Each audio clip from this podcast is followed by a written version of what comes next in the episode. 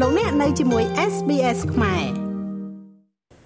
នាយករដ្ឋមន្ត្រីអូស្ត្រាលីលោក Anthony Albanese បានអញ្ជើញមកដល់កម្ពុជាកាលពីល្ងាចថ្ងៃសុក្រទី11ខែវិច្ឆិកាហើយលោកបានចាក់ចេញពីកម្ពុជា នៅថ្ងៃទី14ខែវិច្ឆិកា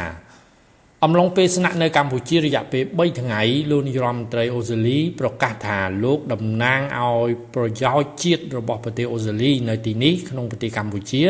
សម្រាប់កិច្ចប្រជុំកំពូលអាស៊ានអូស្ត្រាលី និងកិច្ចប្រជុំកំពូលអាស៊ីបូព៌ាលោកនាយរដ្ឋមន្ត្រីអូស្ត្រាលីបន្ថែមថានេះពិតជាការល្អណាស់ដែលបានស្ដាប់ពីប្រទេសជិតខាងរបស់យើងនៅអាស៊ីអាគ្នេយ៍នាថ្ងៃទី13ខែវិច្ឆិកា ប្រទេសអូស្ត្រាលីត្រឡប់មកកាន់តុប្រជុំវិញ ក្នុងនាមជាដៃគូដែលគួរឲ្យទុកចិត្តយើងចង់បានតំបន់ដែលមានស្ថិរភាព សន្តិភាពវិបលភាពនិងសុវត្ថិភាពតំបន់ដែលមានភាពធន់និងប្រកបដោយបរិយាបន្នដែលមានអាស៊ានជាស្នូលសូមរំលឹកថាការពីព្រឹកថ្ងៃទី12ខែវិច្ឆិកានាយករដ្ឋមន្ត្រីអូស្ត្រាលីលោក Anthony Albanese បានជួបពិភាក្សាការងារជាមួយលោកនាយករដ្ឋមន្ត្រីហ៊ុនសែន នៅក្នុងជំនួបនោះលោក Anthony Albanese បានវិតម្លៃខ្ពស់ចំពោះការដឹកនាំរបស់លោកហ៊ុនសែននិងអបអរសាទរកម្ពុជាទទួលបាននូវការអភិវឌ្ឍការរីកចម្រើនយ៉ាងឆាប់រហ័សនិងការដឹកនាំរបស់លោកហ៊ុនសែនដែលបានយកចិត្តទុកដាក់ខ្ពស់ក្នុងការដោះស្រាយបញ្ហានៅមីយ៉ាន់ម៉ាព្រមទាំងបានសម្ដែងនៅក្តីរីករាយចំពោះកិច្ចសហប្រតិបត្តិការរវាងប្រទេសទាំងពីរ និងការវិនិយោគរវាងអូស្ត្រាលីនិងកម្ពុជាដែលកំពុងតែទទួលបានផលជាផ្លែផ្កាជាបន្តបន្ទាប់លោកនាយរដ្ឋមន្ត្រីអូស្ត្រាលីបានជម្រាបជូនលោកនាយរដ្ឋមន្ត្រីហ៊ុនសែនថាអូស្ត្រាលីនឹងបន្តគ្រប់គ្រងកម្ពុជាលើគ្រប់វិស័យរួមទាំងការអភិវឌ្ឍសេដ្ឋកិច្ចដោយចីរភាពសេដ្ឋកិច្ច Digital ធម្មពលវៃឆ្លាតសេដ្ឋកិច្ចបៃតងនិងវិស័យដទៃទៀតដើម្បីចូលរួមចំណែកធ្វើឲ្យប្រទេសកម្ពុជា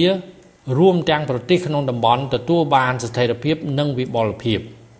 ជាការឆ្លើយតបលោកហ៊ុនសែនបានសម្ដែងនៅការពេញចិត្តជាមួយទំនាក់ទំនងកម្ពុជានិងអូស្ត្រាលីហើយក៏បានថ្លែងអំណរគុណលោកនាយរដ្ឋមន្ត្រីអូស្ត្រាលីនិងរដ្ឋាភិបាលអូស្ត្រាលីដែលក្នុងនោះដូចជាកាលពីឆ្នាំ1983បានបញ្ចប់ការទទួលស្គាល់ខ្មែរក្រហមនៅអង្គការសហប្រជាជាតិ ជួយកម្ពុជាលើវិស័យកសិកម្មការស្វែងរកសុខសន្តិភាពសម្រាប់កម្ពុជា ជួយកម្ពុជាអភិវឌ្ឍធនធានមនុស្សនិងអភិវឌ្ឍកម្ពុជា តាមរយៈការផ្ដល់ជំនួយផងនិងការជំរុញវិនិយោគមកកម្ពុជាផងក្រោយជួបពិភាក្សារយៈពេលខ្លីជាមួយលោកនាយរដ្ឋមន្ត្រីហ៊ុនសែនរួចមកនៅថ្ងៃទី12ខែវិច្ឆិកាដដែលលោកនាយរដ្ឋមន្ត្រីអូស្ត្រាលី Anthony Albanese ក៏បានធ្វើជាសហប្រធាននៃកិច្ចប្រជុំកំពូលអាស៊ានអូស្ត្រាលីលើកទី2 ក្នុងឱកាសនោះលោកនាយរដ្ឋមន្ត្រីហ៊ុនសែនបានបង្ហាញនៅសុទិដ្ឋិនិយមថាភាពជាដៃគូនឹងកិច្ចសហប្រតិបត្តិការដ៏រឹងមាំរវាងអាស៊ានអូស្ត្រាលីនិងផ្ដល់ផលប្រយោជន៍ជាច្រើនទៀតជូនដល់ប្រជាជនទាំងពីរលោកហ៊ុនសែនក៏បានវាយតម្លៃខ្ពស់ដែលប្រជាជនអូស្ត្រាលីតែងតែបង្ហាញការគ្រប់គ្រងឥតងាយរេមកលើមជ្ឈភាពអាស៊ានតាមរយៈការចូលរួមយ៉ាងសកម្មនិងយន្តការនានាដែលដឹកនាំដោយអាស៊ាន លោកហ៊ុនសែនលើកឡើងថានៅក្រោមក្របខ័ណ្ឌជាដៃគូយុទ្ធសាស្ត្រគ្រប់ជ្រុងជ្រោយអាស៊ានអូស្ត្រាលីលោកបានកោតសរសើរនៅលបឿននិងសមិទ្ធផលដែលភាគីទាំងពីរសម្រេចបានរួមគ្នាក្នុងរយៈពេលដ៏ខ្លីតាមរយៈគំនិតផ្ដួចផ្ដើមយ៉ាងច្រើនជាពិសេសគំនិតផ្ដួចផ្ដើមអូស្ត្រាលីដើម្បីអនាគតអាស៊ានដែលនឹងផ្ដល់ការគ្រប់គ្រងអន្តរវិស័យដល់ការអនុវត្តទស្សនវិស័យអាស៊ានស្ដីពី Indo-Pacific ដែលជាតម្រូវការជាក់ស្ដែងរបស់ប្រទេសអាស៊ាន។ លោកហ៊ុនសែនក៏បានស្វាគមន៍ចំពោះការបដិញ្ញាចិត្តរបស់អូស្ត្រាលីក្នុងការគ្រប់គ្រងដល់ការធ្វើសមាហរណកម្មតំបន់ការជំរុញអនុវត្តកិច្ចព្រមព្រៀងពាណិជ្ជកម្មសេរីអាស៊ានអូស្ត្រាលីនៅវ៉ែសេឡង់និងកាត់បន្ថយគម្លាតអភិវឌ្ឍតាមរយៈការដាក់ចេញនៅកម្មវិធីអូស្ត្រាលីសម្រាប់អាស៊ានស្ដីពីសេដ្ឋកិច្ចនិងការតបភ្ជាប់និងកម្មវិធីគ្រប់គ្រងការអនុវត្តកិច្ចព្រមព្រៀងពាណិជ្ជកម្មសេរីអាស៊ានអូស្ត្រាលីនៅវ៉ែសេឡង់ជាដើម។ សមិទ្ធផលដ៏ត្រចះត្រចង់នេះបញ្ជាក់ពីការបដិញ្ញាចិត្តនិងកិច្ចខិតខំប្រឹងប្រែងរួមក្នុងការពង្រឹងទំនាក់ទំនងកិច្ចសន្ទនាឲ្យកាន់តែស៊ីជម្រៅបន្ទាប់ពីកិច្ចប្រជុំកំពូលអាស៊ានអូស្ត្រាលីកាលពីថ្ងៃទី12ខែវិច្ឆិកាលោកគង់ភោគរដ្ឋលេខាធិការក្រសួងការបរទេសកម្ពុជា ដែលជាអ្នកនាំពាក្យនៃកិច្ចប្រជុំកំពូលអាស៊ាន និងកិច្ចប្រជុំកំពូលពាក់ព័ន្ធ បានថ្លែងទៅកាន់ក្រុមអ្នកកសែតពីលទ្ធផលនៃកិច្ចប្រជុំកំពូលអាស៊ានអូស្ត្រាលីយ៉ាងដូចនេះថានៅក្នុងកិច្ចប្រជុំកំពូលអាស៊ានអូស្ត្រាលីលើកទី2ថ្នាក់ដឹកនាំកម្ពុជាបានអបអរសាទរចំពោះសមិទ្ធផលនានាដែលអាស៊ានអូស្ត្រាលីទទួលបានក្នុងរយៈពេល75ឆ្នាំ75ទសវត្សរ៍មកនេះនឹងបានពិភាក្សាទៅលើការពង្រឹងកិច្ចសហប្រតិការអាស៊ានអូស្ត្រាលីតាមរយៈការអនុវត្តភាពជាដៃគូយុទ្ធសាស្ត្រគ្រប់ជ្រុងជ្រោយបន្ថែមពីនេះគណៈដឹកនាំអាស៊ាននិងអូស្ត្រាលី បានអនុម័តសេចក្តីថ្លែងការណ៍រួមនៃកិច្ចប្រជុំកំពូលអាស៊ានអូស្ត្រាលីលើកទី2ស្តីពីកិច្ចសហប្រតិបត្តិការលើទស្សនវិស័យអាស៊ានស្តីពី Indo-Pacific នៅក្រៅកិច្ចប្រជុំអាស៊ានអូស្ត្រាលីក៏ដូចជាការចូលរួមកិច្ចប្រជុំកម្ពុជាអាស៊ីបូព៌ានៅភ្នំពេញនាយករដ្ឋមន្ត្រីអូស្ត្រាលីលោក Anthony Albanese ក៏បានជួបពិភាក្សារយៈពេលខ្លីជាមួយលោកប្រធានាធិបតីអាមេរិក Joe Biden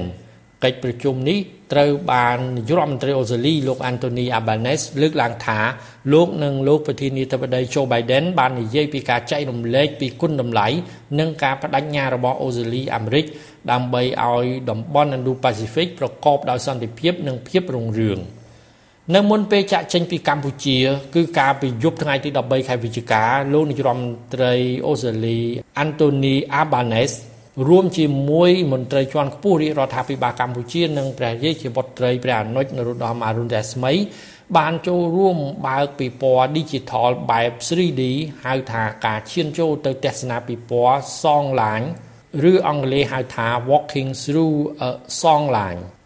ពិព័រណ៍នៅរាជធានីភ្នំពេញនេះជាផ្នែកនៃខួបទី70ឆ្នាំនៃទំនាក់ទំនងការទូតរវាងប្រទេសអូស្ត្រាលីនិងប្រទេសកម្ពុជានៅឆ្នាំ2022នេះក៏ដូចជាផ្នែកមួយនៃកិច្ចខិតខំប្រឹងប្រែងបន្តរបស់អូស្ត្រាលីក្នុងការកសាងទំនាក់ទំនងរវាងជនជាតិដើម និងជនជាតិដើមភាគតិចអូស្ត្រាលីនិងកម្ពុជាពិព័រណ៍ Songline Walking Through a Songline គឺជាបទពិសោធន៍ Digital ដែលជាផ្នែកមួយនៃការតាំងពិព័រណ៍ដ៏ល្បីថ្នាក់អន្តរជាតិរបស់សារមន្ទីរជាតិប្រទេសអូស្ត្រាលី National Museum of Australia ឈ្មោះថា Songline បងប្អូនស្រី7នាក់ Songline Tracking the Seven Sisters Songline ឬក៏ Dreaming Tracks គូសផែនទីផ្លូវបុព្វបុរស នៅពេលពួកគេធ្វើដំណើរឆ្លងកាត់ប្រទេសអូស្ត្រាលីបង្កើតឡើងជាទឹកដីនិងប្រជាជនពិព័រណ៍ Digital នេះបើកឲ្យសាធារណជនចូលទស្សនាដោយឥតគិតថ្លៃរហូតដល់ថ្ងៃទី11ខែធ្នូនៅ Factory ភ្នំពេញក្នុងរាជធានីភ្នំពេញខ្ញុំម៉េងផល្លា SBS ខ្មែររាយការណ៍ពីរាជធានីភ្នំពេញចុច like share comment និង follow SBS ខ្មែរនៅលើ Facebook